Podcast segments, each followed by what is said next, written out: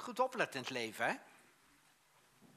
Toch? Moet er goed opletten in het leven. Voor je het weet ga je te hard, hè? Met de auto bedoel ik. Ja, in Duitsland mag dat. Wow, dat is vol gas, hè? Maar in Nederland moet je opletten, hè? Ja, ik wil eigenlijk even beginnen met een tekst die ik niet voorbereid heb. Dat is het allerleukste, hè? Mensen zeggen, ja, dan spreekt de geest. De rest niet, dan is het Kees, maar de rest, dan is het, dan is het God. Nu ik een man geworden ben, heb ik afgelegd wat kinderlijk was. Want nu zien wij nog in een spiegel in raadselen, vervormd. Doch straks zien wij van aangezicht tot aangezicht. Nu ken ik nog onvolkomen, maar dan zal ik ten volle gekend zijn zoals ik gekend ben. Zo blijven dan geloof, hoop en liefde, deze drie. Maar de meeste van deze is de liefde. Dat is uit 1 Korinthe 13. De meeste van deze is de liefde. Dus geloof, hoop en liefde. Waarom is de liefde de meeste? De liefde is de meeste. Kijk, geloof en hoop kunnen geen liefde produceren. Maar liefde kan wel hoop en geloof produceren. Gaaf, hè? Ik moest denken aan, ja, daar wordt, waar, wordt, waar wordt God gelukkig van? Dat is mijn tekst, mooi hè. Ehm, ik, ik dacht um, bij mezelf, ik moest, moest in, een, gemeente, niet van jong en vrij, maar gewoon in een gemeente, moest ik iets gaan vertellen over de wet. Nou ja, de wet en genade, Kis, kan jij dat nou uitleggen? Maar goed, ja, ik, ik, ik ben niet zo van, van Paulus, ik ben meer van Johannes, weet je wel. Ik, ik ben meer zijn kleur ze, vertellen alle twee hetzelfde. Paulus die, die gaat echt de Hebreeënbrief fileren en de Romeinenbrief fileren. En die gaat helemaal uitleggen wat nou het verschil is tussen wet en genade. Maar ik ben meer van Johannes. Ik ben meer van de liefde. Johannes doet eigenlijk precies hetzelfde. Alleen hij noemt de wet noemt hij angst. Noemt, hij, noemt hij vrees. En, en, en, en de genade noemt hij liefde. Hij heeft het steeds over liefde en angst. Nou, ik dacht, hoe ga ik nou vertellen in mijn kleur het verschil tussen de wet en genade. Er was een gemeente die echt niet begreep, ja, maar de wet brengt je toch ook wel wat? Ik zei, nee, de wet brengt je echt helemaal niks. Ja, nou ja, daar zijn we het niet helemaal over eens. En uh, weet je wel, en tien geboden en noem al die dingen maar op. Nou, toen vertelde ik het verhaal dat ik rijd met mijn auto, zondagsmorgens vroeg, het was ver weg, dus ik dacht ik moet een beetje lekker gas geven. En, en zondagmorgen heeft de politie, heeft dan, ik denk dat ze daar extra voor betaald worden, als ze dan zondagdienst hebben of zo, stond er een autootje langs de weg en dan in de bosjes zo'n camera en die controleert dan precies hoe hard ik rij. Ik weet niet wel dat ze dat doen, maar dat doen, dat willen ze graag weten. Houden ze denk ik bij in statistieken en zo, zullen ze graag weten. Dus ik zag dat. Wat is het eerste wat Kees doet? Wat is het eerste wat Kees doet? Zijn voet van de, van de, van de gas. Dat is het eerste wat Kees doet. Waarom? De wet geeft schuld oh, ik rijd te hard. Ja, ik, ik, wist het niet, maar het stond 120 en ik reed net geen 120. En dat keek je dan later, maar het is allemaal flitsen van seconden, weet je wel. Hun flitsen, maar ik flits ook, om te kijken hoe snel dat gaat. Nou, wat gebeurt er dan? Er komt een meneer op een motor met een geel pakje aan en die komt en die rijdt zo achter mij aan en die zegt, meneer, wilt u even stoppen en aan de kant van de weg. Wow. Dus ik denk, nou, er heeft natuurlijk een bord gestaan. Tijdelijk wegwerkzaamheden 70 kilometer en dan Kees rijdt 120. Dat is heel veel geld. Dus ik zeg, goedemorgen en papieren. Goed, ik geef mijn papieren en zo.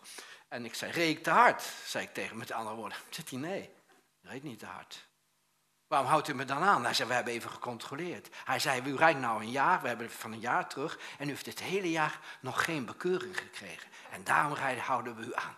En hij zegt, wij geven normaal altijd een bon... maar wij geven u nu een VVV-bon van 50 euro. Nou, de, nou dus, dus ik dank, dank u wel en dit en dat. Nou, de hele gemeente uit hun dak. Dank u Jezus voor pastor Kees en dit en dat. Ik zeg, gaan jullie teleurstellen? Is niet gebeurd. Ken jij een politieman die jou blij maakt met een, met een VVV-bon omdat jij niet te hard rijdt? Ik niet, hè? Dit is het principe, hè? De wet gaat jou nooit belonen. De wet gaat jou nooit belonen. De wet geeft je alleen maar schuld. Gij zult, gij zult, gij zult. Gemeente, bidden wij nog wel? Oh nee, nee, veel te weinig. Gemeente, geven wij nog wel aan de zin? Oh nee, oh nee, veel te weinig. De, de wet gaat je altijd schuldig voelen. En hij gaat niet belonen. Het is helemaal niet gebeurd. Die, boekenbon, heb, of die, die cadeaubon, heb ik gekregen van iemand die zei, ja, wat, wat wil je voor je preekje? Ah joh, geef maar wat, boekenbon of... Ja, je kan niet eens boeken verkopen, want dan moet je weer 50 euro boeken bestellen. Drama is ook rituals, neemt hem ook niet. Anders had ik hem al lang uitgegeven. Maar goed, dat is dat. De wet gaat je nooit gelukkig maken. Nooit. Nooit. De genade wel. De genade geeft iets. De genade geeft een, geeft een, een VVV-bon van, van 500 euro als je te hard rijdt. Dat is de genade. God zegt, dat verdien je niet, maar ik geef het je toch. En als je dat door hebt, word je zo blij. Ik word er blij van. Ik, ik, een van de dingen die mij heel erg blij gemaakt hebben, is weten dat ik goed genoeg ben. Ook als ik fouten maak. Wow, dat klinkt een beetje raar en toch is het zo. Wow. Hm. Volgende week ga ik jullie maar even zeggen, anders het op Facebook ook wel zien. Uh, maar ik kan het gewoon niet laten, weet je wel. Dan ga, dan ga ik een week in de stilte. Ga ik, volgende week ga ik naar West-Vleteren. Dat ligt aan de Franse grens. En daar is een klein kloostertje is daar. Trappisten. En dan maken ze trappistenbier. En het is uitgeroepen vorig, nee, twee jaar geleden toen dat was. Toen is het uitgeroepen tot beste bier van de wereld. Daar ga ik niet voor. Ja. Geloof, hoop en liefde waarvan de liefde de meest is. Nou oké, ik, ik vind het leuk dat ze daar ook mijn merkbier schenken. Trappistenbier, hè? dat is lekker bier. En, en, uh, maar, dan ga ik, nu, ik ga daar voor de stilte. Ik ga daar om God te zoeken. God is niet kwijt, ik ben hem ook niet kwijt. Maar ik wil, ik wil, ik wil dieper, dieper zijn hart ervaren. Het is toch zonde als je heel je leven voorbij komt. En dan je bij God komt en die zegt, joh, ik heb hem eigenlijk nooit gekend. Ik weet eigenlijk niet wat er in u omgaat. Ik weet eigenlijk niet wat er in u omgaat. Ik heb ook nog een paar boeken. Ik bestel een boek per week, dus er blijven dan een paar boeken over. Dus ik denk een hutkoffer met boeken mee. Nee, nee, twee boeken, misschien drie. En dan een paar op mijn iPad. Mag dat? Ja. En, en, verder probeer ik stil te zijn. En, en stil zijn, bedoel, ik heb pas geleden aan mijn kinderen gevraagd. Ik zei, wat doe je als je thuis komt? Als je gaat relaxen, wat doe je als je ontspannen bent? Een van de jongens zei, pap, ga ik op de bank liggen, doe ik de tv verstaan om even te kijken of ik geen nieuws gemist heb. Ondertussen kijk ik op Facebook, kijken wat papa weer gepost heeft voor, voor dingetjes. En uh, ja, dat is mijn ontspanning. Oké. Vroeg mijn andere jongen, wat ga jij doen? Hij zei, nou, weet je, ga eerst naar de kinderen, ga ik even kijken, verhaaltje vertellen, dit en dat. Gewoon echt om te ontspannen. Ja, maar echt om te. Ga ik, ja, lezen doe ik dan. Oh, oké, oké. Nou, dan had iemand vroeg ik van mijn vrienden, wat doe jij? Ja, joh, weet je, pak de Bijbel. Oh, oké, lekker vroom. Ja, ja, ik snap het.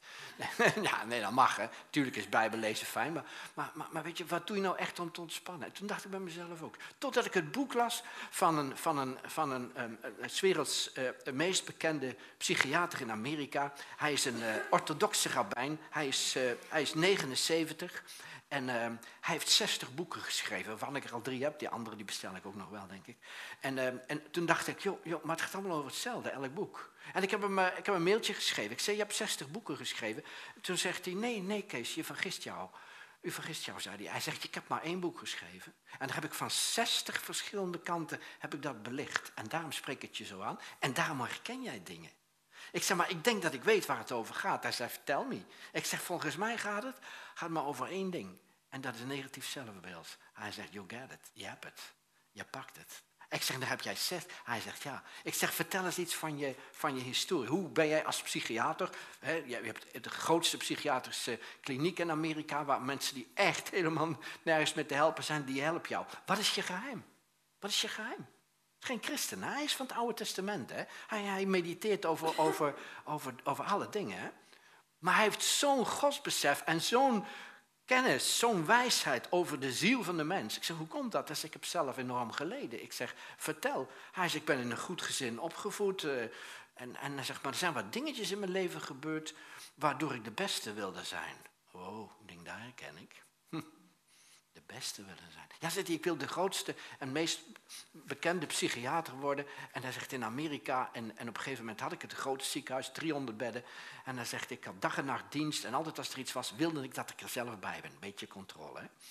Wil ik dat ik er zelf was. Ze riepen me dan ook s'nachts. En soms waren het de nacht dat ik niet sliep. En overdag werd ik gewoon mijn werk. En ik had zo'n uh, zo'n honderd uh, psychiaters en psychologen in dienst. En op een gegeven moment zei mijn vrouw, jij moet er eens uit. Hij, ik denk, ja, hebt gelijk. Hij maar dan moet ik ergens naartoe waar ik rust heb. Ze zei, ja, ze, ik heb van vrienden gehoord, die zijn naar zo'n spa geweest. En, ze, en dan krijg je massage en dan ga je stil worden. En dan ga je in, in zo'n, in zo'n ja, ik dacht eerst YouTube, maar het heet anders. Tube heet dat, hè. dat is weer wat aan, YouTube is anders. Zo'n zo'n zo'n whirlpool ga je dan in. Nou, goed, hij kwam daar en hij denkt, nou weet je, drie weken vrij en dan ga ik lekker naartoe. Hij zat in die uh, whirlpool en zat hij drie minuten in en uh, hij ging eruit. En toen zei die stewardess die erbij stond, meneer, wat gaat u doen? Zegt, ik heb er al een half uur in gezeten. Nee meneer, pas drie minuten. Oh, oh. Hoe lang moet ik erin zitten? Ja, het liefst 25 minuten. En dan gaat u naar een afkoelruimte en dan krijgt u massage en dan krijgt u dit, dan krijgt u dat. En zo gaan we de hele dag door en dan krijgt u zo, en dan drie weken lang. En dan vanmiddag gaat u relaxen en noem maar op. Oh, oké, oké. Oké, hij denkt, joh, ik zit nog drie minuten. En, hm? Nou, hij zei, ik, ik maak het half uur wel vol. Dus hij nog een vijf minuten zit hij erin. En denk, nou, zeker een half uur nu. Zeker een half uur. Dus hij er weer uit, zegt die stewardess weer. Meneer, u zit er pas zeven minuten in. Oké. Hij zei, dan ga ik maar naar mijn kamer. Ja, meneer, we kunnen anders, de treatment is gewoon ja, 25 minuten. En dan, anders komen we ook de dag niet. Ik denk, ja, dat snap ik. Hij daar naartoe en hij, kan maar, hij had maar één vraag. Hij zegt tegen zichzelf, waarom kan jij als psychiater die alles weet van de ziel, drie jaar lang onafgebroken werken zonder een vrije dag, maar geen drie minuten in een wirepool zitten? Waarom? Waarom kan je dat niet? Ja, omdat je bezig wil zijn, omdat je met allerlei dingen, dingen je wil dingen ergens goed zijn, je wil scoren, je wil, je wil Wow, en toen dacht hij, ik heb zo'n negatief zelfbeeld. Ik kan nog geen drie minuten met mezelf zijn. En dat is het. Als je een negatief zelfbeeld hebt, kan jij, kan jij niet bij jezelf zijn. Want het is met jouzelf niet leuk. Want je zit op het toilet en, en, daar zit je weer. Je zat onder de douche, ja, daar ben je weer. Je zit alleen bij de open ja, ja, leuk, heel avond met hem zitten. Dat is als je niet van jezelf houdt. Oh, en daar kwam hij achter. Hij hield niet van zichzelf. En daar heeft hij die boeken over geschreven. En ik weet wat het is. En ik heb lang geleden, geleden, niet lang geleden, maar ik heb geleden onder dat ik niet van mezelf hield. En als er één ding is, en ik merk als hartdokter op de hartkliniek dat er heel veel mensen zijn, dan zeg ik honderdduizend keer tegen, je bent geliefd. En ze kijken me aan en ze denken, waar heb je het over? Weet je, ik vertel heel graag dat voorbeeldje en wijk een beetje af, maar we komen heus nog wel aan de Bijbel over. Um, ja, weet je, en, en er was een jongetje in India. En die uh, kreeg van zijn oma, dat was, was, iets geweldigs, hij had nog nooit een spiegeltje gezien. En zijn oma had een blikje en dat vouwde ze open zo en daar kon hij zichzelf in zien. Ze leefden onder een paar stokken en een, en, en een tentje zo hadden ze daar langs de kant van de weg. En dat, ze waren gewoon een armste van de armste. En, um, en hij keek in dat spiegeltje en hij schrok.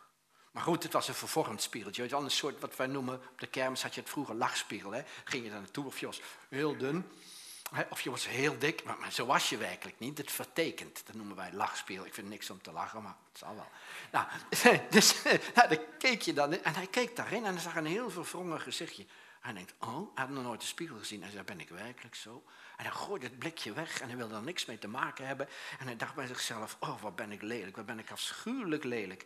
En, en hij ging, begon zich te schamen. En, en, en op zijn werk durfde hij naar mensen te kijken. En, en had een van de gewoonten, toen hij dus naar de stad ging, op een gegeven moment om, om, om, om, om, te werken, had hij zich daar verhuurd aan een bedrijf. En hij, hij werkte daar lange tijden en hij moest zorgen ook voor zijn eten. En hij zorgde altijd, om negen uur ging de supermarkt dicht, om vijf voor negen was hij altijd daar. En dan ging hij zijn boodschappen doen. En uh, elke avond om twee minuten voor negen, vijf voor negen kwam die daar. En, en, en de eigenaar zei tegen zo'n vrouw, joh, er komt altijd een leuk manneke, echt een leuk, echt plezier in. Hij zegt niks, hij kijkt zo. Het is een leuke gast, hè, maar, maar hij komt alleen maar drie minuten voor negen. En net wil ik opruimen en dan denk ik, één minuut voor negen, blijf ik gewoon staan wachten. En hij komt er, hè. En hij, zegt op een dag, zegt hij tegen hem, waarom kom jij één minuut voor negen? Ach, meneer, zegt u, dat weet u toch wel, dat begrijpt u toch wel. Ik zie er zo vreselijk uit. Ik ben zo verwrongen in mijn gezicht en zo lelijk. Dat, dat ik wil niet onder de mensen komen. Ik, ik wil niet onder de mensen komen. En uh, toen zegt hij, maar je bent toch helemaal niet... Ik ben een knappe jongen. Ik zei nog tegen mijn vrouw, één minuut voor negen komt er weer die jongen. Hij is een knappe jongen, leuke vent hè, om te zien ook. Hè. En uh, aardig en zo. En uh, hij zei, nee, zegt hij, meneer, ik ben heel erg lelijk. Hij zei, je bent helemaal niet lelijk. Hij zegt tegen zijn vrouw, ga dat spiegeltjes halen wat je op je kamer hebt liggen. Dus zijn vrouw, joh, komt met dat spiegeltje aan. En hij zegt tegen hem, nou, nou, kijk er nou eens in. Kijk er nou eens in. En hij kijkt erin. Hij zegt, wat een bijzondere spiegel. die zelfs in staat om mijn verwrongen uh, uh, gezicht er zo mooi uit te laten zien. Weet je wel? Mensen die diep in hun hart geloven dat ze niet goed genoeg zijn. Daar kan je honderdduizend keer tegen zeggen, ze geloven er niet. Weet je wat jou alleen kan veranderen als je toevallig zo iemand bent? De liefde van God. Die kijkt niet naar de buitenkant. Die kijkt alleen maar naar je hart. Hij kijkt naar de binnenkant. Wauw. Nou, als ik iets wil, de komende week, in dat mm, klooster, Trappistenklooster, ik zou het zeggen, ja, Maria werd te lachen. Trap, Trappistenklooster, als er één ding is wat ik daar wil, dan is het dat ik Gods hart leer kennen. Op een nog diepere manier. De rest heeft geen zin, hè? De rest is, weet je, weet je dat we maar voor één ding geschapen zijn? En dat is om de liefde van God te gaan ervaren. Want God is ontzettend gek op jou. Met een passie die niet te beschrijven is. Nou, wat ik nou afgevraagd heb, en dan, en dan kom je bij mijn thema. Waar wordt God nou het gelukkigst van? God wordt het gelukkigst van de zoon zijn liefde. En dan komen we bij de eerste tekst. Je weet pas echt wie iemand is als je weet waar hij of zij gelukkig van wordt. Ik wil niet stoken in goede huwelijk, hè? maar weet jij, weet jij waar je partner, je man, je vrouw, je vriend, vriendin, waar die echt gelukkig van wordt? Weet je, ja, je hoeft nou niet te zeggen aanstoten, hey, weet je het nou en zo. maar weet weet je, weet je, waar, je waar je je partner, waar je denkt van daar word je nou echt heel gelukkig van. Hè? Ik vroeg het pas aan een vriendin. Hè. Ik zei, waar word je nou echt heel gelukkig van? En dan ga ik niet over, over allerlei intimiteit. Daar heb ik het helemaal niet over. Gewoon een normale huistuin- en keukendingen. Waar word je? Ze zegt, nou weet je, ik word nou gelukkig als, als haar man, eh, ze noemde, uh, zeg maar Jan. Als Jan, als we ergens zijn en er is een buffet en zo. En dan denk ik, oh wat een lekkere dingen allemaal. En weet je wat en dat hij tegen mij zegt, ga jij lekker zitten daar met de kinderen? Ik ga voor jou een bordje maken. En hij loopt daar langs en hij neemt allemaal dingen. Daar weet hij precies wat ik lekker vind en geeft dat dan aan mij. Daar word ik nou echt gelukkig van. Dat vond ik leuk, hè? Ik zeg, en doet hij dat wel eens? Nou, dan denk ik, dom, Bo. Weet je wel, echt een beetje dom. Dat moet je toch doen als je weet dat je vrouw... Een andere vriend vroeg aan mij, waar wordt je vrouw gelukkig van? Ze zei, hij zegt cadeautjes. Hij zegt, die heeft echt iets... Als maar een klein cadeautje bent, wordt ze gelukkig. Ik zeg, doe je dat? Hij zei, nee. Ik zeg, waarom niet? Ja, moet ik weer... Ik zeg, joh, ik zou alles ervoor over hebben. Oh, joh, dat doe je toch? Nou, wat ik me dus afvroeg is, waar worden mijn kinderen gelukkig van? Dat ben ik me ook af gaan vragen. En ik ben, ik ben ook gaan nadenken, waar maak ik ze nou gelukkig mee? Nou, ze hebben alle drie een andere kleur, dus alle drie hebben ze andere verlangens. En toen dacht ik, toen dacht ik, omdat ik natuurlijk alleen ben, weet je, happy single, eh, dacht ik, waar, waar worden mijn vrienden gelukkig van? En maar ook, waar wordt God nou gelukkig van? Nou, de waarde en de voortreffelijkheid van een ziel hangt af van hetgeen wat zij lief heeft. Wat heb je lief? Waar gaat je interesse in uit? Wat wil je nog bereiken in het leven? Wat, wat wil je graag? Wat, wat, zoek je? Wat zoek je in het leven? Wat, waar, waar denk je nou, word je nou echt, echt heel erg happy van? Dat is belangrijk. Nou, waar jij happy van wordt, dat zegt iets geen oordeel, hè? Niet goed of fout, maar dat zegt iets van de gradatie en van de gezondheid van je hart. Wow. De volgende. Als er iets is waar God, waar God gek van is en waar hij waar die echt heel erg veel van houdt, dan is het van de zoon. Hij schrijft in Colossense 1, vers 13, de zoon zijn er liefde. Zijn liefde voor zijn geliefde zoon, daar wordt hij gelukkig van. De grootste vreugde van God is zijn vreugde in de zoon. Weet je, ik, ik kan me zo voorstellen dat, dat God is een God van relaties. Hè? Ik zeg altijd, hij eet maar één soort chips en dat is relationships. Nou, klopt hè. Dus, dus God heeft een relatie, vader, zoon en heilige geest. Nou, nou werd ik vanmorgen wakker en toen dacht ik, had ik een gedachte. En, en bijna ging mijn gedachte tollen toen ik dacht, God is er altijd geweest. Er is dus nooit een tijd geweest dat God er niet was. Dat is filosofisch, hè? Kan, jij je voorstellen dat er een tijd is dat hij er niet was? Ik kan me dat niet voorstellen.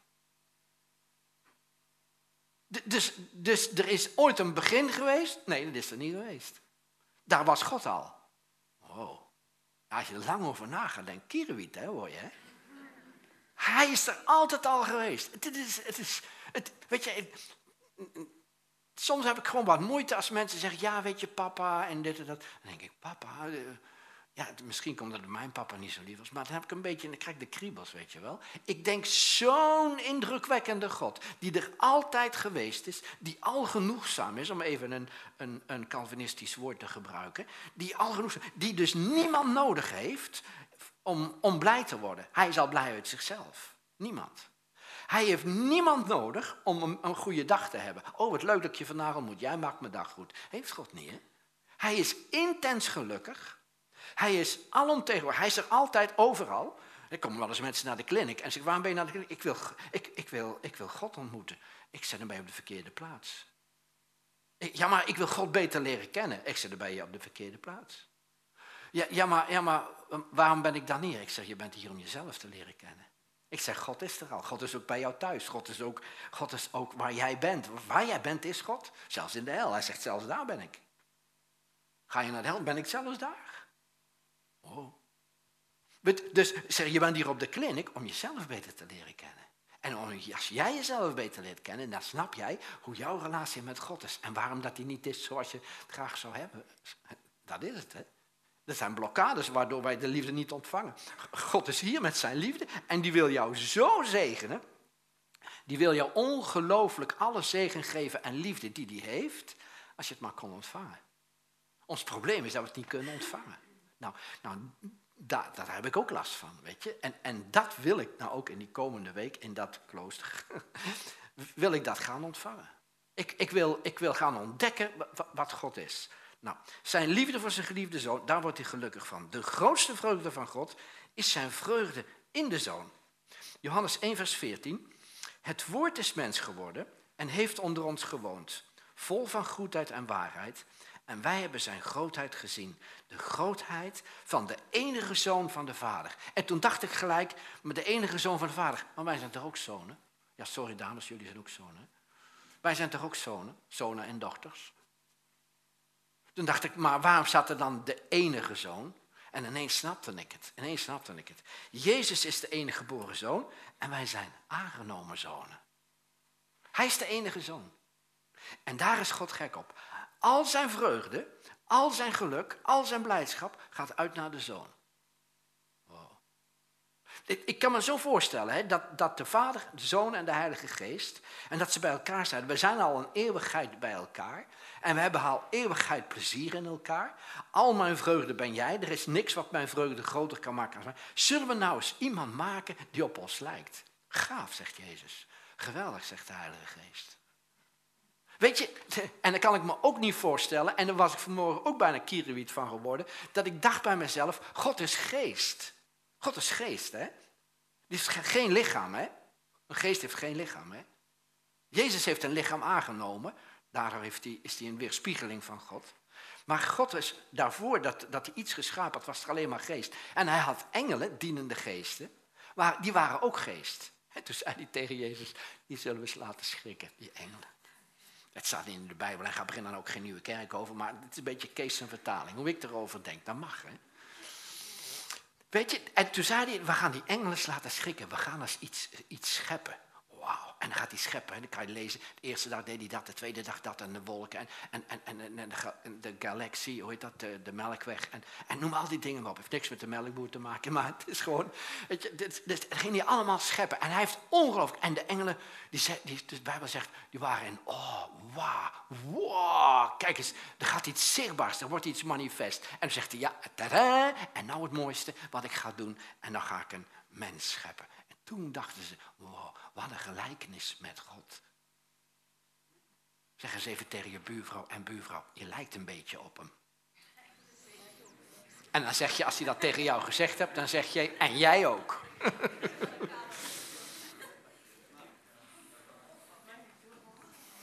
Weet je, en dat is het, hè. Wij, wij lijken op God, hè. Wij hebben, een, we hebben ook een geest en we hebben ook een ziel en we hebben een lichaam.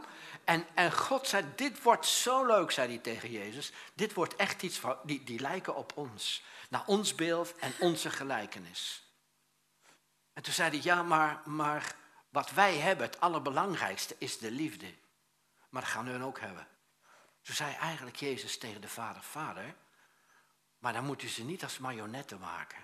dat ze u wel lief moeten hebben. U moet ze een vrije wil geven. Dat ze kunnen kiezen om u lief te hebben. En daar is het fout gegaan. Kom wel eens mensen op de kliniek en die zeggen van, van dit en dat. Ik zeg, maar ik, ik, weet het wel. Maar hoe weet je dat dan? Ik zeg, ken je opa en oma? En, ken je mijn opa en oma? Oh ja? Heb jij die gekend? Adem maar even. Daar is het fout gegaan. Ze kregen een vrije wil. Want, want als je gedwongen wordt, is geen echte liefde. Hè? Als je, iemand, je moet iemand vrijwillig kunnen, je moet vrijwillig kunnen liefhebben. En dat heeft God gedaan. Wow. Hebreeën 1 vers 1. Nadat God eertijds vele malen en op vele wijzen tot de Vader gesproken had in de profeten, heeft hij nu in het laatste tot ons gesproken in de, in de Zoon. In de Zoon. Waar hij het meest van hield. Die hij gesteld heeft tot erfgenaam van alle dingen, door wie hij ook de wereld geschapen heeft. Deze is de afstraling zijner heerlijkheid en de afdruk van zijn wezen, die alle dingen draagt door het woord zijner kracht. Wow, daar vind ik een tekst. Dus hij, als je dus, ik zeg wel eens, Jezus is de selfie van God. Dat zegt deze tekst. Hè. Hij is de afstraling van zijn heerlijkheid. Als je Jezus ziet, zie je God. Vroeger sprak ik natuurlijk heel vaak over het vaderhart van God. Er was zo'n lijst in Nederland, praat ik echt over tien jaar terug. Zo'n lijst in Nederland, daar stond ik dan op. Hè. Vaderhart van God stond erachter, Kees Bots. Nu kan je dan vragen. Dan werd ik gebeld, ja, we, hebben een weekend en we waren vaderhart van God. Kan je komen? Ja, en sprak ik over het vaderhart van God. Maar Jezus was voor mij altijd een beetje, ja, ja, is mijn broer, ja, ja, maar verder. Totdat ik echt een openbaring kreeg wie Jezus werkelijk was. En weet je dat ik steeds minder over de Vader spreek? Waarom? Omdat Jezus ons de Vader heeft laten zien. Hij zegt, hij is de afstraling van zijn heerlijkheid. Kijk je naar Jezus, dan zie je de Vader. En aan de afdruk van zijn wezen, zo is hij. Zonder veroordeling, altijd liefdevol en zijn leven prijsgeven. En hij heeft de wereld laten zien wat echte liefde was. Wat echte liefde is. Die alle dingen draagt door het woord zijn. Dus alle dingen zijn door hem geschapen. In hem en door hem. Oh, wat een plan, hè? Johannes 17, vers 26. Dan zegt Jezus, ik heb hun uw naam bekendgemaakt en dat zal ik blijven doen, zodat de liefde waarmee u mij lief had in hen zal zijn en ik in hen. Wow. Nou, ik was eerst een beetje teleurgesteld dat Gods liefde en vreugde alleen naar Jezus uitging. Dat was, hè? En toen dacht ik, zoals elk mens, een beetje egoïstisch. En ik dan? Oh ja, hij heeft mij voor zijn plezier. Oh ja, weet je wel. Net als iemand neemt een paar kippen en een, en een hond. En oh, weet je, voor het plezier. Voor het plezier. Echt houden van, nee, dat doe je niet. Weet je, de, meeste liefde is, is visliefde. Weet jullie dat? Ik was pas met iemand aan het eten en ik zei, joh, hou je zo van vis? Ja, hij ben gek op vis. Ik zei, hou jij zo, hou je, ja, zit ik, als iets is, I love fish, zei hij, I love it. Ik zei, you don't, you don't love fish. Ik je, je zegt wel, ik hou, ik hou van vis, maar, maar je gaat hem eerst, weet je, het was het was kreeft. Dus ik zei, je houdt niet echt van kreeft, want, want je gaat hem eerst uh, levend koken. En dan is hij dood. En dan ga je hem ook nog opeten. En dan zeg jij dat je van kreeft houdt? Je houdt helemaal niet van kreeft. Weet je? Je houdt van jezelf en daarom eet je kreeft. Je houdt zo van jezelf dat je die kreeft opoffert voor jou, zodat jij heerlijk kreeft kan eten. Je houdt niet van kreeft, je houdt van jezelf. Nou, heel veel liefde, heel veel liefde, ook, ook in gezinnen, niet hier, maar in andere gemeentes waar ik kom, is visliefde. Is visliefde. Je kijkt naar die ander, wat kan jij voor mij betekenen, zodat mijn leven helemaal vervuld wordt, en dan zeg ik dat ik van je hou. Wow, dat is niet, dat is visliefde. Vislove. En dan komen ook stelletjes bij mij zitten op de bank. Oh, we zijn zo gek van elkaar. En dan ga ik een paar vragen stellen. En weet je, dan denk ik, visliefde. Jij wil die ander niet gelukkig maken. Die ander moet in al jouw behoeftes voldoen, zodat jij gelukkig wordt. Wow. Maar goed, we gaan nog wel een keer over het huwelijk spreken. Vind ik heel leuk, als vrijgezel. Ja, maar mensen zeggen, Kees, hoe kan jij nou op de kliniek voor echtparen spreken? Daar snap ik echt niks van. Jouw huwelijk is mislukt. Ik zeg, ja, ik weet wat allemaal verkeerd kan gaan. En ik zou het nooit meer zo doen. Ik zou het anders doen. Ik, ik, ik zie hè, aan, aan vrouwen, en, en dat speciaal met vrouwen natuurlijk. Dan zie ik, als er dan zo'n man naast staat, dan zie ik wat ze mist. Ze zegt het niet, ik zie het. Ik zie het. Want, want en, en dat heb ik wel meer verteld. Hè? Want wat, wat een vrouw wil, wat een vrouw wil is liefde. Ze, ze kan veertig dagen zonder respect, maar geen drie dagen zonder liefde. En bij de man is het andersom. Een man kan veertig dagen uh, zonder liefde, maar geen drie dagen zonder respect. Dus als die vrouw tegen die man zegt, wauw Jan, heb je dat goed gedaan? Wow, ik ben echt trots op je. Wow. En dan gaat hij haar liefde geven. Maar zij denkt, sukkel, kan ook niks. Geen respect, hè? En wat gaat hij dan doen? nee. En zo gebeurt het. En noem mij een christelijk huwelijk, hè? No way. Nou, nou goed, we gaan het niet over huwelijk hebben. Ik heb hun uw naam bekendgemaakt. En dat zal ik blijven doen, zodat de liefde waar u mij lief had in hen zal zijn en ik in hen. Jezus heeft gezegd, vader, ik ben zo blij en zo gaaf met uw liefde voor mij. En dat is het mooiste wat ik heb. Dat is het mooiste wat ik heb. Dus de vreugde en dat u vreugde in mij heeft. Nou, nou vader, als me nou één plezier doet, dat zijn gebed, hè. Doe het dan ook voor hen.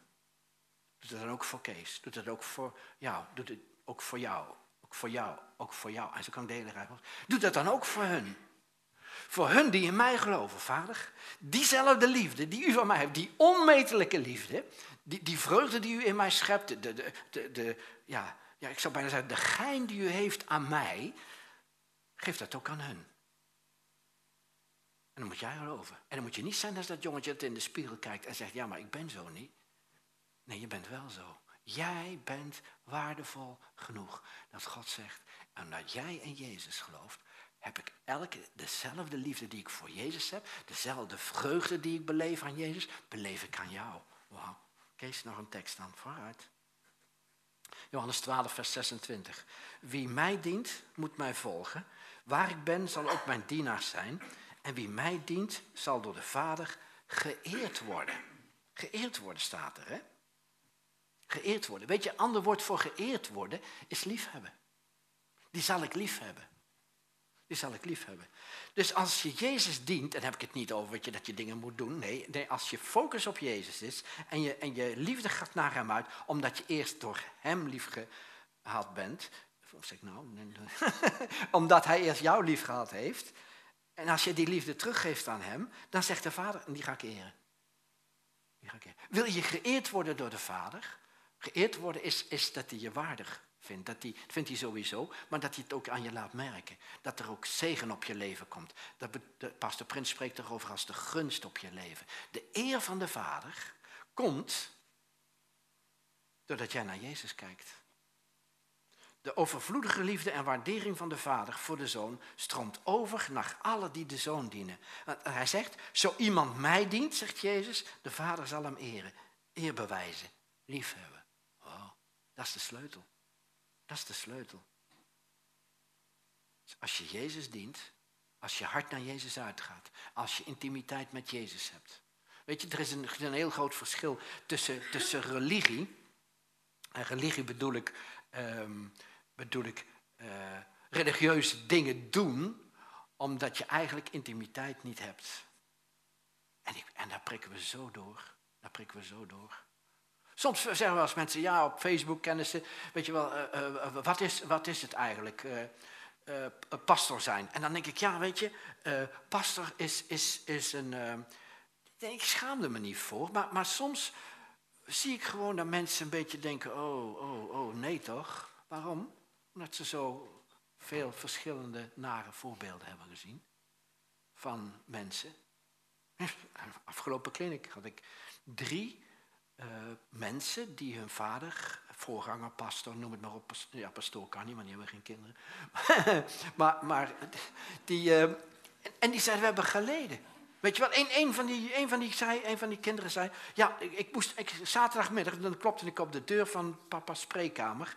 En dan kon ik twee dingen kon ik, kon ik horen. Dan kon ik of dat hij, als het lukte met zijn preek, mocht binnenkomen, ik op zijn schoot zitten. En gingen we samen een tekening maken en mocht ik het inkleuren. Maar als het niet lukte, zei hij, die zie je niet dat ik bezig ben. En oh, de kind helemaal weg. Weet je wel, nou, weet je, en het lukte gewoon niet. Dan denk ik, oké, papa was God aan het zoeken en dit is wat hij dan aan mij laat zien. En dat kind zegt, ik durfde niet meer op de deur te kloppen. Weet je, en ik ben nog bang. Ik ben altijd, oh nee, God, ik ben veel te druk bezig met de hele wereld. En daarom had hij geen relatie met God. Hij deed wel religieuze handelingen en religieuze dingen. Hij ging naar de kerk. Hij zei, maar ik heb nog nooit gehoord dat God blij met hem is. Erg, hè? Erg, hè? Terwijl Gods hart naar hem uitgaat. En dan denk ik, ja, weet je, die pastors en die dominees en die voorhangers hebben allemaal niet zo'n geweldig voorbeeld nagelaten door hun eigen dingetjes. Ik ook niet, hè? Ik ook niet, hè? verschillende mensen zijn, ook door, door mij, weet je wel. Dan denk ik, ja, ja, ja, dat, dat is het. En dan denk ik wel eens, God is wel goed, maar zijn grondpersoneel deugt niet. En dat is voor mij inclusief, hè. En daarom moeten mensen ook niet naar voorgangers kijken, niet naar pastors kijken. Nee, de mensen, ze mogen ze eren hè, voor wat ze te bieden hebben. Maar, maar verder vind ik gewoon dat ze naar Jezus moeten kijken. Hij stelt namelijk nooit teleur. Hij, hij, hij, hij zal je nooit teleurstellen. Hij was nog niet uitgesproken of de schaduw van een stralende wolk gleed over hen heen. En uit de wolk klonk een stem. Dit is mijn geliefde zoon. In hem vind ik vreugde. Luister naar hem. Gaaf hè? Dus wat gebeurde er? Op die berg, op die berg wilde God de heerlijkheid laten zien van zijn zoon. Aan die apostelen. En hij komt op die berg en hij wordt, eens zijn, zijn, zijn, hij wordt gewoon stralend als de zon. Heb je daar wel eens dat je in de zon kijkt en je, oh, ik kan er haast niet inkijken. Zo fel. Is Jezus. Zo fel was het. Dat licht. Weet je, ze hebben, ze hebben zo gedaan. Hè? Ze hebben zo gedaan. En, en ze vallen eigenlijk half dood, weet je wel. Als ze ineens de heerlijkheid van God zien. Zo heerlijk is Jezus. Hè? Als je daarover gaat mediteren, wat ik volgende week ga doen. Als je daarover gaat mediteren. Oh man. Zo, zo enorm indrukwekkend. Weet je, we hebben hem gezien als, als iemand die over de straten van Jeruzalem loopt. En zo en in Betanië en noem maar op. En, en op, in de boot. Maar, maar als je dit ziet, zoals die dan werkelijk is. Een stralende wolk kleed over heen en uit de wolk klonk een stem. Dit is mijn geliefde zoon, in hem vind ik vreugde. In hem vindt hij echt vreugde. En, en dan is het zo leuk, dan wil ik eventjes van, ja, maar, maar is dat wel echt gebeurd? En zegt 2 Petrus 1 vers 17, Petrus zegt, want hij ontving van God de Vader eer en luister toen de stem van de majesteitelijke luister tegen hem zei, dit is mijn geliefde zoon. In hem vind ik vreugde. Die stem hebben wij zelf uit de hemel horen klinken toen wij met hem op de Heilige Berg waren. Het was niet zomaar een verhaaltje, weet je wel, net is in de Efteling nooit echt gebeurd. En iedereen denkt dat het waar is, maar het is helemaal niet waar. Weet je wel, dat is met dit niet, hè. Dus, dus Jezus is op die berg. Hij is op die berg, maar hij ziet, maar, maar, maar Petrus zegt later ook, dit hebben we echt meegemaakt, jongens. En dit was zo fascinerend. Weet je, zijn majesteitelijke luister hebben we gezien. En dat God uit de hemel riep, dan kan God zich niet meer inhouden. Als hij de, als hij de zoon ziet, die werkelijk is, is een majesteitelijke luister. Waarom? Omdat hij zijn leven afgelegd heeft. Wow. Een vraagje, en daar wil ik eigenlijk mee beëindigen. Wie heeft Jezus doodgemaakt? Wie? Judas? Die heeft hem verraden. Pilatus? Nee, hij heeft zijn handen in het water gewassen. Nee. De fariseërs? Nee, want ze hebben het volk opgestookt en zeggen kruisig hem. En toen hebben ze hem niet gekruisigd, want dan mochten ze niet. Want ze niet geloof. Zo vroom waren ze wel. Hebben ze de Romeinen laten doen? Hebben de Romeinen Jezus doodgemaakt? Wie heeft Jezus doodgemaakt? Wauw. Ja, maar wie heeft hem uiteindelijk doodgemaakt? Hij heeft zich gegeven, hij heeft zelf, hij zegt niemand ontneemt mij het leven. Super gaaf hè? Hé, hey, theoloog hè? Drinkt veel thee zeker. Grafje. maar dat is het hè? Dat is het hè? Nou, als God voor ons is, wie kan dan tegen ons zijn? Zal hij die zijn eigen zoon niet gespaard heeft, maar hem omwille van ons allen heeft prijsgegeven en ons hem niet met alles schenkt? Als hij zijn eigen zoon, eigen zoon, niet gespaard heeft. Dus wat zegt dat? Ja, iemand heeft hem doodgemaakt. Nee, hij heeft hem niet gespaard. Ja, maar dat komt door de, door de duivel heeft hem doodgemaakt. Nee, hij heeft hem niet gespaard. Hij heeft bewust meegewerkt aan de dood van zijn zoon, omdat jij zo kostbaar was. En dat was uiteindelijk het enige waar hij echt vreugde in had. Dat was hij. En die heeft die prijs gegeven. Oh. oh. Hoezo heeft God dan Jezus doodgemaakt? Dat staat er in Jesaja 53, vers 6. Maar het behaagde de Heere hem te verbrijzelen. Hij maakte hem ziek, dat is Jezus. Wanneer hij zichzelf ten schuldoffer gesteld zal hebben, zal hij nakomelingen zien en een lang leven hebben. En het voornemen des Heren zal door zijn hand voortgang hebben. Oh. Dus, dus de vader maakt Jezus ziek, hij verbrijzelt hem. Dus, dus, dus, is dit dan liefde? Dat is liefde. Weet je waarom? Voor jou. Wow. Ik eindig met een, uh, een klein verhaaltje over wat is dat nou? Ik vertelde het verhaal aan, aan, een, aan, een, groep jongelui. En toen zei ze, heb je die film gezien? En ik weet niet welke film is, ik heb het ook niet meer onthouden. Misschien als iemand hem herkent, dat hij even de naam nog heeft, want het is wel leuk als ik dat erbij kan vertellen. Ehm, en dat gaat over een trein uh, die aankomt rijden. Herkennen jullie die film ooit gezien? Die, die aankomt en, en, dan is er een, een brug en die staat open. En die brugwachter die moet zorgen dat elke keer als die trein daar aankomt, dat die brug gesloten is. Maar de trein heeft het stoplicht niet gezien. En dus er is iets gebeurd, een storing of weet ik wat. Of ik moet die film misschien eens een keer gaan kijken. Dan weet ik het echt hoe het zit. Maar goed, laat ik het maar even in mijn, mijn vertaling, in de Kees-vertaling doen. Dus die, die trein die komt aanrijden. Die brug moet dicht. Maar de vader weet dat zijn zoon, die zit daar te vissen. Onder die brug. En dan moet hij kiezen. Of hij redt zijn zoon. Dus dat die brug niet open gaat. Of hij laat die brug naar beneden en zijn zoon wordt verbrijzeld. Maar die trein met al die mensen, die verongelukt niet en die zijn gered. Wat doet hij? Hij laat de brug zakken. En dat is wat de vader heeft gedaan. Wow.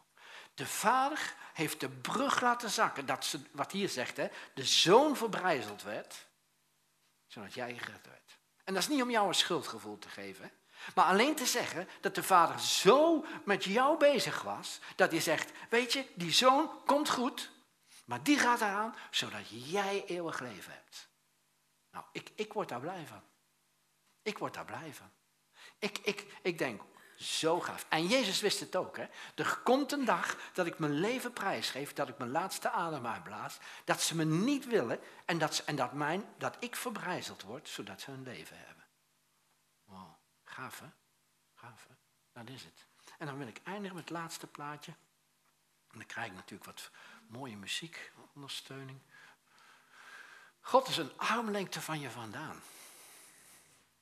God is een armlengte van je vandaan.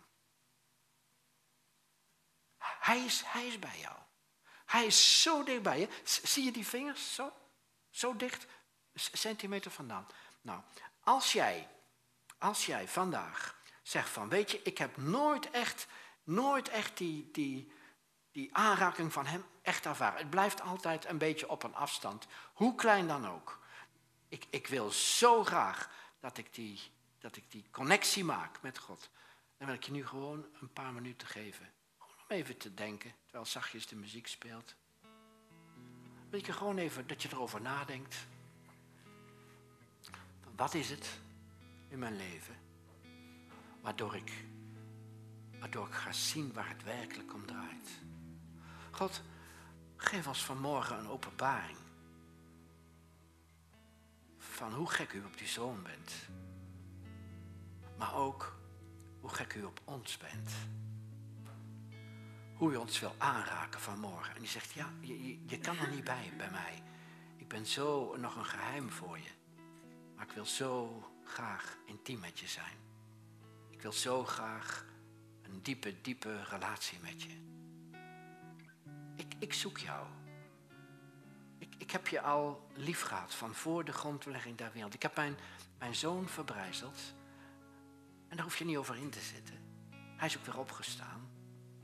Hij zit nu aan de rechterhand van de Vader en daar zit jij ook. En ik ben zo blij met je. Maar ik wil zo graag dat je weet dat de vreugde die ik in de zoon heb, dat ik die ook in jou heb. En als je daarvan doordrongen wordt dat de liefde van de Vader in jouw hart is uitgestort door de Heilige Geest, dan ga je blij worden. Dan ga je het leven aankunnen. Dan ga je weten om te gaan met teleurstellingen. Dan ga je van jezelf houden. Dan ben je niet dat jongetje dat in het spiegeltje kijkt en zegt nee, ik ben lelijk, ik ben niet goed genoeg. Dan ga je je geliefd voelen. En als jij je geliefd gaat voelen, gaan mensen mijn liefde in jou zien.